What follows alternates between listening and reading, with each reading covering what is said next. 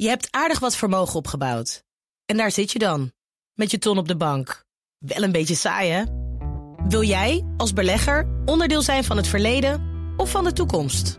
Bridgefund is een slimme fintech die een brug slaat tussen de financiële behoeften van ondernemers en van beleggers. Dus wie belegt bij Bridgefund krijgt niet alleen een mooie vaste rente, maar brengt ook ondernemers in beweging. Echt waar, met die ton kan je zoveel betere dingen doen. Bridgefund. Make money smile. Beleggers in Nederland die maken zich eh, zorgen over een recessie. En een nieuw onderzoek legt bloot wat de favoriete partij is in de beleggerswereld. We spreken het eh, allemaal vandaag in ons panel. Vandaag eh, met Simon van Veen, fondsmanager van het Sustainable Dividend Value Fund. André Brouwers van het Beleggingsinstituut. En Reinde Wietsma, hij is portfolio manager bij IBS Capital Management. En mijn zakenpartner is natuurlijk nog altijd Jacqueline van der Ende, partner bij Peak Capital. Nou, we beginnen altijd met onze laatste gedane transactie. wat was de laatste transactie? Uh, ja, nou, ik uh, uh, wilde even focussen op het uh, afgelopen cijferseizoen. Dat is zo goed als voorbij. Een van de aandelen die vorige week nog mijn aandacht trok... was het, de Nederlandse cap Newways.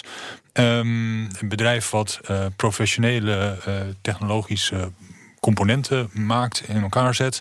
Voor allerlei bedrijven als Philips en, en ASML onder andere.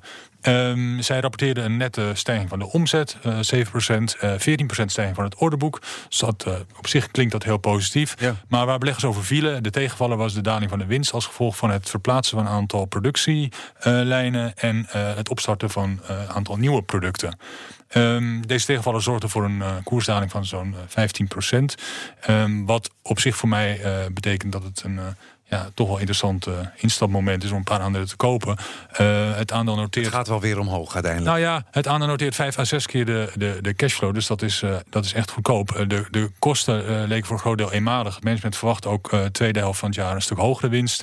Um, en het mooie is, de groei, groei komt voort uit met name e-mobility. Dus componenten nodig voor het vervaardigen van elektrische voertuigen en dergelijke. Ja. Um, dus dat is een hele mooie, hele mooie uh, groeihoek. Simon, wat was jouw uh, investering? Dit was Simon. Nu is Ach, het, André. Ja, maar, niet, maar het ik was heel jullie, verstandig wat hij zei. Dus hij mag ook André genoemd worden. Ik heb het net nog gevraagd, toen hadden ja. jullie toch nog door elkaar, André. Maar niet uit. Ja.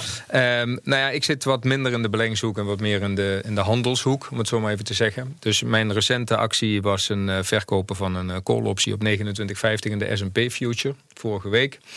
Uh, omdat mijn inschatting is dat de beurs, uh, en daar zit die index al een tijdje gevangen, is eigenlijk de moeder aller indexen wat mij betreft, de, de S&P. Uh, in ieder geval belangrijk voor de richting van de markt. 29,50 is een vrij cruciaal niveau. Ik zag hem daar niet doorheen gaan, dus ik heb dan een call optie geschreven. Dat betekent dat zo'n ding kan aflopen als je binnen de tijdsperiode je verwachting juist is. Ja. Um, dus dat was op zich een goede transactie. Als het gaat om een belegging, dan heb ik eigenlijk maar één soort aandelen. Nou, ik heb er eigenlijk twee. Ik heb Ajax, maar dat is om... om dat is een feestaandeel. Dat, dat is een feestaandeel. Ja. Dat, dat, dat, was vorig jaar heel erg leuk. En was deze week ook weer een feestje. Ja, was deze week ook goed. Um, en daarnaast uh, heb ik uh, aandelen Vastnet. En uh, Vastnet is een bedrijf, een Nederlands bedrijf. Laadpalen. Sorry? Nee, nee, dat is Fast. Met oh, een F. Dit ja. is dus met een V, van de V van, uh, van vastgoed, zou je okay. kunnen zeggen. Ja. Um, en Vastnet uh, ja, heeft volgens mij een, een heel behoorlijke portefeuille. Goede dekkings, uh, dekkingsgraad, zeg maar, voor betreft hun huurders, 94 procent. rente is natuurlijk heel erg laag, is gunstig voor vastgoedbedrijven. Hebben hun portefeuille netjes afgedekt. Er zit een waanzinnig dividendrendement op van bijna 8 procent. en die sector heeft klap na klap gekregen. En dat is eigenlijk heel simpel.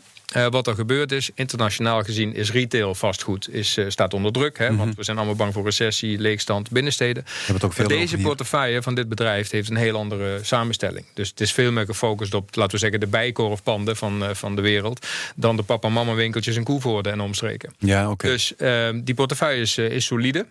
En het gaat nog steeds goed. Dividendrendement gaat heel goed. Die dekking, de, de, zeg maar de, de, de huurdersbezetting is ook prima. En uh, beleggers hebben dat gedumpt, omdat men zogenaamd met ETF's, dat zijn dan uh, zeg maar mandjes waarin onder andere vastgoedbedrijven zitten, die hele sector naar beneden gaat. Maar, ja, de... En daarom is het misschien ook wel een goed moment om nu in te stappen. Ja, nou ja, ik, ik koop altijd graag. Uh, ik, mij hebben ze geleerd als het laag is. Uh, als handelaar heb ik altijd geleerd als het laag is moet je kopen en zo is moet je verkopen. Ik denk dat dit extreem laag is. Ehm, dus ja, ik zie niet in waarom ik mijn geld tien jaar lang tegen. Maar je maakt maak je geen zorgen dat er steeds meer winkels verdwijnen, dat het ook uiteindelijk met die grote bedrijven minder gaat? Ja, maar dat is precies wat het is. Dat is ook de reden waarom we zo laag staan. Dat, maar je kunt je daar zorgen Ja, over het maken. Dat is, al lang, dat is Ja. al lang ingeprijsd in de sector, Mhm. denk ik. Ehm, en dit bedrijf is nu juist een voorbeeld van een, een heel ander soort type vastgoed. Hè, dus of jij een, een pand hebt als de Bijenkorf, als je bang bent dat de Bijenkorf leeg komt te staan als pand, hè, denk je van Hudson Bay, dat Mhm. zal een keer gebeuren. Maar dat is van totaal andere orde dan dat je in een willekeurig klein plaatsje een, eh, een, een winkelpandje hebt. Ja. Dus dat is precies wat er gebeurd is. Hè. We zijn bang, dus we dumpen. Dus een soort overdrijving in de markt. We staan nu. De intrinsieke waarde van die panden is 46 euro. En het aandeel staat op 26 euro. I rest my case. Oké, ja, Reinder? Eh, ja, we hebben vorige week eh, maandag en dinsdag weer eens een transactie gedaan. We hebben IBS handelen niet heel veel. Maar wij hebben een positie ingenomen in Wolters Kluwer. Voor het eerst voor ons eigenlijk ook weer een keer een Nederlandse onderneming. Eh Wolters Kluwer staat nog bekend als het eh, oude uitgeversbedrijf van de schoolboeken en heel veel andere dingen. Maar die business is over de jaren heen heel erg veranderd. En dat is nu voor 90% plus eigenlijk een databusiness geworden. Voor eh, financiële professionals en ook voor medici. à la Bloomberg. Eigenlijk à la Bloomberg. Dus de, ja, de business is ook echt een heel, heeft ook een heel ander profiel gekregen. De, ja, de gevoeligheid voor recessies of allerlei andere zaken is heel laag. Want deze data, ja, daar kan je niet zo goed zonder als je bijvoorbeeld belastingadviseur bent. Ehm, dus hoog margeprofiel, heel veel recurring revenue, stabiele topline groei. Dus ze groeien met een 4, 5 procent eh, in de omzet per jaar. En de laatste 10 procent nog een oude boekenbusiness loopt er ook langzaam uit. Wat de marge eigenlijk eh, omhoog brengt. Het bedrijf heeft niet heel veel schulden, kan nog heel mooi doorgroeien. Goede belegging. We vinden het voor deze, nou, zeker gegeven dit renteklimaat, want Ja. dat is, eh, wordt veel besproken, vinden het een heel aantrekkelijk aandeel nog steeds. Ja. Jacqueline, jij belegt niet, hè? Nee, natuurlijk wel in het eh, Venture Capital Fonds van P Capital. Ja. En wij, onze laatste acquisitie daar is Dime. En dat is een ja, fintech start-up. Zij hebben een app gebouwd waar je een overzicht krijgt van al jouw financiën. En ze kunnen je dan eh, hè, door middel van artificial intelligence alerts geven over waar je kosten kan besparen. Of je van energieprovider zou moeten switchen. En allemaal andere handige eh, insights. Oké. Nou, laten we het hebben over de handelsoorlog, de brexit en de banencijfers uit Amerika. Want ja, dat zijn eh, weer de dingen, dezelfde dingen eigenlijk zou ik bijna zeggen... als waar beleggers zich deze week eh, druk over maken. Het sentiment lijkt een beetje te draaien... want de meerderheid van de beleggers die verwacht namelijk binnen vijf jaar een nieuwe crisis. Zo blijkt het onderzoek eh, van Connect Invest. Verwachten jullie ook een nieuwe crisis binnen vijf jaar? Eh, nee, in die zin, eh, ik vind het een knappe voorspelling. Ehm, maar als ik vijf jaar geleden kijk, had ik niet zoveel, las ik weinig over de brexit. Las ik ook heel weinig mensen over president Trump. Ehm, ik denk dat het heel knap is als belegger als je op dit soort specifieke events zo ver vooruit kan kijken. Eh, denk niet het verandert bijna elke dag, hè? Al het nieuws eh, Daarom. over de handelsoorlog, over de brexit. Eén tweet verder en de wereld ziet er ineens weer eh, heel anders uit. Ik, ik weet niet of het mogelijk is überhaupt om met zoveel precisie ehm, nou ja, financiële paniek of recessies aan te wijzen. Het is duidelijk dat de economie minder hard groeit dan anderhalf jaar geleden. Ik denk alleen als belegger voor, met een iets langere horizon dat je dit soort dingen niet zo precies hoeft te kunnen voorspellen om Ja. Goede belegger te zijn. Ja, de vraag, ja, nou de vraag is natuurlijk of we niet al in een tussen in een recessie zitten. Als je kijkt naar de bedrijfswinsten van de S&P 500 bedrijven, je ziet dat die al vanaf eh, december vorig jaar in een dalende tendens zitten. Mhm. De koperprijs is dalend. De vrachtindex dat gaat al drie maanden achter elkaar met 6% eh, eh, per maand naar Maar beneden. ja, een recessie is toch iets anders dan een crisis, Nee, toch? precies. Maar dit is- Ja. de vraag is natuurlijk, wat is de definitie? Hè? Recessie, we zijn met z'n allen nu in één keer in paniek. Ik las net een headline dat meneer Wellink al weet dat we binnen een jaar in een recessie zitten. Ik vind het altijd knap, dat soort mensen die dat van tevoren weten. Als je maar Eh, vaak genoeg blijft roepen, dan komt het misschien vanzelf. nee, maar kijk, ik ben, dag. ik ben het in die zin eens eh, eh, dat, dat je je moet afvragen... kunnen wij nou zoveel eh, vooruitzien? Ik denk dat wij heel weinig kunnen vooruitzien. Maar, maar, Kijk, maar, zijn, maar zijn jullie zelf nu ook voorzichtiger geworden? Of, of biedt deze markt ook juist kansen eigenlijk? Nou ja, jullie noemden al een voorbeeld inderdaad. Ja. Alles wat fli- flink gezakt Nou ja. is, daar stappen jullie nu in. Nou ja, iets wat overdreven is, vind ik interessant. En dus er zijn een aantal. Je ziet, kijk, een negatieve rente van, van die we nu hebben, is de vraag wat je daar als belegger mee moet. En ik denk dat dat onderliggend een heel belangrijk signaal is. Hè. Wat, wat is de waarde van geld nog? Als je kijkt bijvoorbeeld nu naar goud en zilver, eh, er is een clubje op de Herengracht, eh, Gold Republic, die kunnen de klanten niet Ja, aanslepen. daar gaan we het zo meteen nog over Ja, hebben. nou ja, Je, ziet, je ziet hoeveel, hoeveel angst er dan toch onderliggend is van mensen die zeggen: ja, wat, wat, moet ik, wat betekent dat? Dat we nu negatieve rente hebben. Is geld nog iets waard, om het Ja. even simpel te zeggen? Ja, maar kan je geld nu niet beter even gewoon op een bankrekening zetten? Ik Nou, bedoel, dat je- lijkt je- me niet. Nou ja, je krijgt er niks voor, maar je, maar je hebt ook geen negatieve rente voor ons nog. Ja, nee, maar goed. Oké, maar als we ons de vraag is: moet je je nu druk maken op een half procent negatieve rente voor het komende jaar? De vraag is veel meer: wat als ik dit vijf jaar doe, tien jaar doe, wat is dan de consequentie? Eh, het is natuurlijk idioot om te zien dat er beleggers zijn die pretenderen voor de lange termijn te beleggen, zoals pensioenfondsen, die dan gedwongen worden om, eh, om, om tien jaar lang hun geld vast te zetten in een obligatie met een negatieve rente. Ja, met andere woorden, op, dan ben je niet 5% eh, minder over tien jaar, maar misschien wel rente op rente effect plus inflatie, ben je misschien wel 20% van je koopkracht kwijt. Ja. En dan aan de andere kant zijn er dan bij wijze van spreken de aandelen die wij hier net bespreken, Wolters Kluwer, eh, you name it, waar dan een fantastisch rendement op te maken is. Voor instellingen die we de lange termijn visie zouden moeten hebben. En daar wordt dan niet in belegd. Nou, dat zou een keer een aanleiding kunnen zijn om eens een keer in de Tweede Kamer te Ja. gaan praten met, Ja. eh, met BNR Nieuwsradio. Ja. Simon? Ja, nou ja, ik eh, wil wel reageren op, op eh, de angst voor een, eh, voor een recessie. Kijk, als je ziet dat de industriële bedrijven ehm, het, het wat moeilijker hebben en in eh, sommige gevallen een winstdaling laten zien, dan moet je bedenken dat dat maar een beperkt deel van de totale economie is. Hè. Met de, de dienstverlenende sector gaat het een stuk beter. En die is in de meeste landen toch een stuk groter dan de industriële sector. Het is eigenlijk een soort van twee, Eh, twee sporen economie nou, nu, hè? Nou dat, en, en daarnaast de consumenten, daar gaat het eigenlijk helemaal zo slecht niet mee. Eh, als je ziet dat eh, de salarissen in veel landen toch weer voor veel mensen toch weer stijgen, iets meer te besteden is, dat consumenten eh, minder kwijt zijn aan, aan hypotheken omdat de rente gedaald is, ehm, dan, dan is het de, de consumenten die er waarschijnlijk voor zorgen dat we net geen recessie hebben. dus we zitten elkaar misschien een beetje in de put te praten steeds eigenlijk. Maar je moet uitkijken, je, je kan ook te negatief zijn. Ik zeg niet dat, dat, dat alles ineens heel rooskleurig is, maar je kan ook te negatief zijn. Ja, laten we eens even over goud. Je stipt het al eh, even aan. Nu de handelsoorlog eh, opleidt, winnen goud, de yen en de bitcoin het als eh, traditionele vluchtheuvel. Ja, toch wordt er wel getwijfeld of dat nou de beste strategie is. Eerst maar eens even goud. Wat is het advies over goud? Ja, ik denk dat je dat voor de hele korte termijn eh, even niet moet hebben. Maar ik denk dat je het eh, op wat middellange termijn eh, in je beleggingsportefeuille 5 à 10 procent zou moeten aanhouden. Eh 5000 jaar lang is goud eigenlijk al een, een goede vluchtheuvel, om het zo maar te zeggen. Het behoudt ook echt zijn geld. We zijn natuurlijk met een gigantisch experiment bezig als je het gaat over de, zeg maar de valuta vanaf 1971. Hè, Bretton Woods hebben we geen dekking meer onder de papiertjes Nee. die we uitgeven. En ik denk dat de negatieve rente die nu plaatsvindt, dat dat een soort onheimisch gevoel geeft bij, bij heel veel mensen. Ja, dus mensen gaan op zoek naar andere mogelijkheden Mensen gaan inderdaad. op zoek naar andere Ja. dingen. Nou moet je altijd uitkijken als de massa ergens eh, massaal ingaat. Ik zei net je al even. Ja. Cold ze kunnen niet, kunnen niet aanslepen. Mensen komen daar gewoon letterlijk eh, eh, naartoe om hun, eh, om hun geld eh, te parkeren in goud.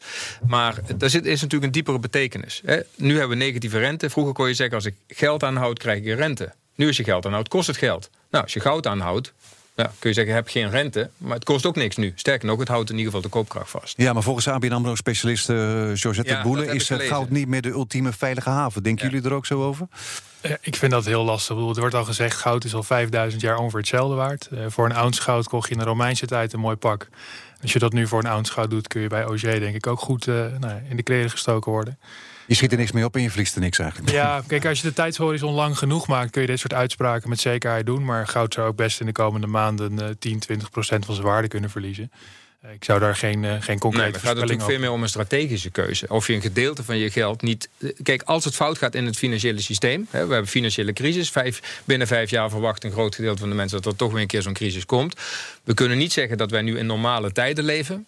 Met, eh, met, maar- schulden, met schulden, met negatieve rentes. Dat hebben we nooit eerder gehad. Dus Nee. ga mij maar vertellen wat dan het vervolg hiervan op is. Dus om daar een gedeelte van je geld in iets veiligs, eh, wat concreet is. eh, met alle respect, goud kun je niet bijdrukken. In een kubus goud van 22 meter bij 22 bij 22 zit alle goud op de hele wereld. Ja, Simon? Ja, nee, ik, ik, ik vind het altijd moeilijk om goud als een serieuze beleggingsmogelijkheid te zien. Omdat het dus niets oplevert aan. Je krijgt er geen rente over, inderdaad. Bij aandelen krijg je dividend en, en bij onroerend krijg je huurinkomsten. Maar dan is obligaties zijn dan nu ook geen serieuze Nou ja, dat is, meer, dus, toch? dat is het verschil met een paar jaar geleden. Eh, kon je heel goed zonder goud, omdat je kon net zoveel geld als je wilde Ja. in obligaties of cash stoppen. En dan kreeg je rente. Ja. Dat is er niet meer. En dat zorgt er inderdaad voor dat het, eh, ja, dat het aantal rendement, of, eh, beleggingsmogelijkheden met een direct rendement beperkt is tot twee aandelen onroerend goed. En dat is misschien voor sommige mensen wat weinig. Ja. En, dan, en dan wordt bijvoorbeeld naar goud gekeken. Maar het kost wel geld om goud goed in een kluis op te slaan, zeg maar. Zeker als nog grotere hoeveelheden gaat. Um, Anders ben je misschien kwijt. 2%. Ja, ja. Nou ja, goed. Ja, dus dat Behoorlijk negatief rendement, denk ik. Ja, ieder jaar kwijt. Ja, ligt aan 20% Eh, dus- per jaar dus, stijgt. Ja, eh, wat mij betreft eh, alleen investeren in goud als het om je vinger past. Maar waarom zou je dan wel in obligaties nu dan eh, gaan? Want met zo'n negatieve rente, dat levert toch... Ja, je betaalt er alleen maar voor. Als je, even, als je even terugkijkt, ten tijde van de echte financiële val van Lehman... en die periode was de goudprijs ook heel volatiel. En ging nog best wel hard naar beneden. En juist die staatsobligaties, zeker met een kortere looptijd... waren liquide, best wel liquide en goed verhandelbaar. Maar het is heel moeilijk om dit te pinpointen. Ik zou een iets langere view nemen en kijken of het binnen je eigen beleggingsportefeuille past. Als je al vastgoed hebt, als je ook aandelen hebt... en je wil een deel allokeren aan goud, is dat helemaal prima. Maar om nu alles in goud te stoppen of een heel groot Nee, maar gedeelte... dat, maar dat lijkt wordt me- meteen weer gechargeerd. Ik zei net 5 tot 10 procent. Nee, nee, nee, 15 maar ik, Ik weet niet wat eh, dat dan, of dat dan alles in goud is. Ik denk alleen dat het wijs is om iets te hebben. Als je het gelooft in risicospreiding, dan denk ik dat je moet nadenken van... Hey, wat betekent het feit dat wij nu negatieve rente hebben? Ja. Wat betekent dat? Ja, dat heeft grote gevolgen natuurlijk, toch? Ja, exact. Nou, dan denk ik dat waar kun je dan schuilen? Moet je dat in bitcoin doen? Ja, er zijn mensen die dat, dat doen en geloven. Ik weet het niet. Ja, want is de bitcoin een goede oplossing? Want Nou, de bitcoin ja, is... dat vind is- ik, dat, dat, ik ben geen bitcoin ja, specialist. het is, het is wel eh, flink gestegen de afgelopen tijd. Ik zag vanochtend nog 9500 euro staat hij nu. Ik geloof een paar maanden geleden op 3000. je kunt je Dus natuurlijk wel- Er zijn er misschien wel mensen die er nu instappen, juist als veilige haven. Ja, ja goed, maar het is natuurlijk een hele kleine markt. 250 miljard is, is de hele bitcoin-markt en alles wat eromheen hangt. Dus ik weet niet of dat nou meteen het meest ultieme verhaal is. Ehm, nog even terugkomen op goud. Vergeet niet, hè, eh, China, Rusland, eh, Oost-Europese landen, Turkije... zijn allemaal grote kopers als het gaat om goud. De voorraden van de centrale banken stijgen.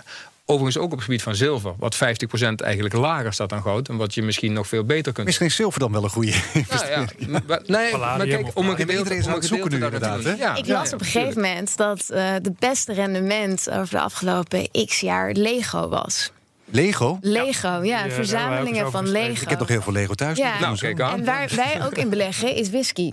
Wij kopen speciale flessen whisky. Want dat soort dingen, speciale verzamelassets, kunnen dus heel goed rendement Ja. geven. Maar je moet dus eigenlijk naar dat soort exotische dingen gaan kijken eigenlijk. Want de rest levert gewoon geklapt meer op eigenlijk. Nou, de rest levert niks op. Dat, ik, dat is te kort door de bocht. Het, het punt is alleen, ik vind wel dat het, dat het interessant is om na te denken wat alternatieven zouden kunnen zijn. Ja. En ook nadenken over hoe je dan bepaalde risico's bijvoorbeeld ook af moet gaan dekken. Want ja, dat is ook toch iets wat. wat we, leven al tien jaar lang in een gigantisch leuke tijd. Hè? Tien jaar lang historische rendementen op gebied van obligaties en aandelen. Het kon niet naar beneden eigenlijk. Nou, ja, goed. Nee. Maar dat zijn wel. Kijk, ik eh, ben iets ouder dan de meeste gemiddelden hier. Dus ik heb eh, diverse cycli meegemaakt. En het is altijd, hè, op het moment dat, dat we het niet meer voor mogelijk houden, dan, dan komt er wel weer wat. Dus we hebben nu een hele mooie periode gehad van tien jaar. Daarin heeft iedereen fantastisch leuk kunnen profiteren. Misschien duurt het nog vijf jaar of tien jaar. Ik weet dat niet. Maar ik vind het wel degelijk eh, relevant om nu eens na te denken over risicospreiding. En of je wel of niet wat in alternatieven moet gaan doen. Want eh, Lego-blokjes of whisky of goud of zilver, prima. En ik kan de yen, de yen tegen investeren in Nou de ja, Japanse munt. dat is helemaal niks geks. Maar Ja. dat is iets wat ook heel veel beleggers vaak niet eens weten. Op valutagebied gebeurt natuurlijk eh, iedere dag het meeste, zou je kunnen zeggen. Het meeste geld gaat om in valuta. Maar Ja, maar je kan ook heel veel verliezen met valuta. Weet Hoezo? nou ja, als het ineens daalt. Of, ik bedoel, als de koers ineens heel Ja, slecht nee, maar, is. nee, maar goed, de vraag is, maar het wordt meteen gechargeerd. Mhm. Als je kijkt naar de Japanse waarom wordt er zoveel in Japanse yen geparkeerd? Omdat men vindt dat dat blijkbaar een veilige haven is. Waarom kopen centrale banken eh, goud en, en zilvervoorraden op? Omdat men blijkbaar weg wil van die dollar. Nou, dat zijn toch dingen die je als belegger, volgens mij, daar moet je toch wel even bij stilstaan. En. André, hoe komt het dan dat die yen een veilige haven is? Nou ja, eh, Japan is eh, eh, een heel saai land. Wordt redelijk veel gespaard. Heeft ook een hele grote schuld overigens. De overheid heeft een hele grote schuld. Maar de Japanse yen is, ja, wordt wel gezien als iets wat, nou ja, wat stabiel is, zou je kunnen zeggen. En ehm, ja, dat is, een, dat is net als de Zwitserse frank vandaag ook. Je ziet de beweging vandaag. Hè? De Boens, de Duitse rente, bijna op historische dieptepunten. Wat, wat gaat omhoog? Yen, Zwitserse frank ten opzichte van de euro verliezen die terrein. Dus ja, die kunnen wel zeggen, ja, daar moet je niet naar kijken. Ja, ik vind dat Dat zijn Ja. gewoon interessante dingen om, om in overweging te nemen. Ja. Dat betekent niet meteen dat je alles zwart-wit moet gaan doen. Nee, ga gewoon Gewoon nadenken. of- spreiden. ja, ga Ja. nadenken of zo'n. Lego-belegging of een whisky-belegging... of dat iets voor je is. Maar de basis van een portefeuille is natuurlijk simpelweg aandelen. Eh, alleen de andere core van een portefeuille obligaties... dat is een no-go area, wat mij betreft. Dan nog even een onderzoekje van eh, ING, de beleggingsbarometer van eh, ING. Daaruit eh, blijkt dat ja, de populairste partij onder Nederlandse beleggers is de VVD. Want daar zou nu het meest op gestemd worden als er nu Tweede Kamerverkiezingen zouden zijn. Vorige zomer was het nog Forum, nu de VVD. Is dat logisch? Nou, de VVD is ook de grootste partij uh, van Nederland. Dus uh, in zoverre is dat logisch. Beleggers zijn het mensen eigenlijk. Uh, en, en, daarbij, ja. ik weet niet of het, of het heel veel invloed gaat hebben. Want als we dat we de Amsterdamse beurs nemen... de omzet van die bedrijven komt voor meer dan 90% uit het buitenland. Dus zelfs als wij hier de VVD zouden verkiezen... en dat zou heel goed zijn voor onze Nederlandse economie... even als dat zo zou zijn dan nog steeds heeft dat op beurskoersen bijzonder weinig invloed. Waar je op stemt maakt eigenlijk als belegger niet zoveel uit. Nee, ik denk niet dat het uh, heel veel uh, invloed heeft op de, op de beursrendementen.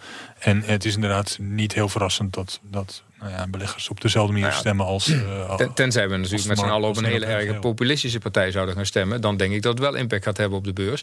En op het economisch klimaat in een land. Ja, voor, voor het zomer was het nog voor hem. Uh, wat ja, nee, goed, oké. maar als je het hebt, als je het hebt over iets, uh, als je het over iets extreems hebt, dan kan dat natuurlijk wel degelijk impact hebben. Hè? Kijk wat er nu in, in Engeland gebeurt. Ja, UK is een goed voorbeeld. UK is ook een goed voorbeeld daarvan. Dus het heeft wel impact. Alleen als we morgen zeggen de VVD wordt vijf zetels meer of minder. Dat maakt voor jullie niet uit. Dat maakt voor een belegger niet heel veel verschil. Nee, maar beleggers zijn met name ontevreden over wat het kabinet doet om uh, economische groei uh, te creëren. Zijn jullie het daarmee eens? Ja. Ik vind, het, ik vind eigenlijk bizar ook dat wij nu nog een discussie moeten gaan voeren. Hè. Als je gewoon puur nadenkt. We hebben negatieve rente. Je kunt als overheid nog nooit zo goedkoop kunnen lenen. Sterker nog, je krijgt geld toe.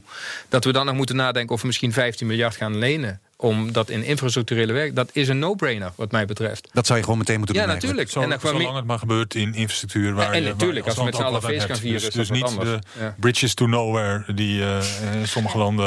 Ja. Uh, daar zijn sommige mensen bang voor, inderdaad. Dat het ah, gewoon dat is, dat is dat ja, iets, iets wordt dat aangelegd wat we niet nodig hebben. Ja, nee, maar, maar kijk, in dat voorbeeld zouden we natuurlijk heel veel kunnen leren ook van de Noren. Die hebben natuurlijk jarenlang hun, al hun olieinkomsten in een sovereign wealth fund gestopt, oftewel in een overheidspotje. Al de gasinkomsten. 200.000 ja, heel veel geld. Ik, ik denk alleen euro per pp is een noor waard. Goed is om dat op een wat langere termijn te doen. Want we zitten ja. nu niet, we hebben geen we hebben nauwelijks werkloosheid in Nederland. Uh, en juist zo'n fonds wat Noorwegen heeft, wordt aangewend op het moment dat het economisch ook nodig is. En om nu dan nu extra overheidsinvesteringen gaan doen op een tijd dat de economie al best wel krap is. Want probeer maar eens aan goede mensen te komen als, als bedrijf. Zeker ook in. Uh, nou, of, je, of, je, of je maakt zo'n fonds voor slechte tijden, kan misschien Precies, ook maar nog. dan zou je het nu moeten ophalen. Maar dat betekent niet dat ja. het dus direct iets moet gebeuren nu. Nee, dat je het gewoon. Uh, nee, je moet wel, moet wel met beleid doen. Of een obligatie. Maar het is toch. Ja, de vraag is, wat doe je er dan mee? Als je overheid nu obligaties uitgeeft en ja, voor later op dat, dat werkt ook niet. Nee. Dus, we moeten het hier helaas al weer uh, bij laten. Dank jullie wel. Simon van Veen van het Sustainable Dividend Value Fonds. André Brouwers van het Beleggingsinstituut. En Reine Wietsma van IBS Capital Management. En mijn zakenpartner Jacqueline van der Ende. Je hebt aardig wat vermogen opgebouwd. En daar zit je dan. Met je ton op de bank. Wel een beetje saai, hè? Wil jij, als belegger, onderdeel zijn van het verleden of van de toekomst? Bridgefund is een slimme fintech die een brug slaat tussen de financiële behoeften van ondernemers en van beleggers. Dus wie belegt bij Bridgefund krijgt niet alleen een mooie vaste rente, maar brengt ook ondernemers in beweging. Echt waar. Met die ton kan je zoveel betere dingen doen. Bridgefund. Make money smile.